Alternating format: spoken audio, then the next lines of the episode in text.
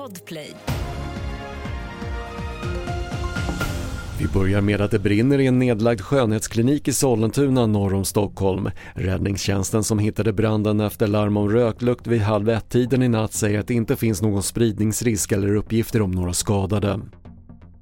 Över 30 personer har gripits sedan nya avlyssningslagen trädde i kraft i oktober. Det säger rikspolischefen Petra Lund till SVT. Lagen innebär att polisen kan avlyssna privatpersoner utan konkret brottsmisstanke och omkring 200 beslut om sån avlyssning har tagits sedan lagen trädde i kraft. Israel planerar evakuering av civila från Gaza enligt ett uttalande från premiärminister Benjamin Netanyahus stab. Uttalandet som inte innehåller några detaljer om evakueringen kommer samtidigt som Israel hotar med en fullskalig invasion av Gazas sydligaste stad Rafah. Och en prorysk hackergrupp säger att de utförde överbelastningsattacken som drabbade Kastrups flygplats och flera danska myndigheter igår. Inga flygsystem ska ha drabbats men på flygplatsen beskriver man attacken som omfattande.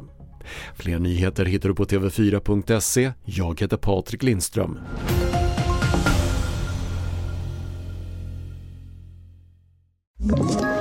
Ett poddtips från Podplay.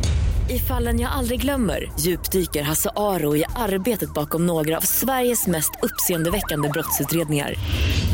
Går vi in med hemlig telefonavlyssning och, och då upplever vi att vi får en total förändring av hans beteende. Vad är det som händer nu? Vem är det som läcker? Och så säger han att jag är kriminell, jag har varit kriminell i hela mitt liv men att mörda ett barn, där går min gräns. Nya säsongen av Fallen jag aldrig glömmer på Podplay.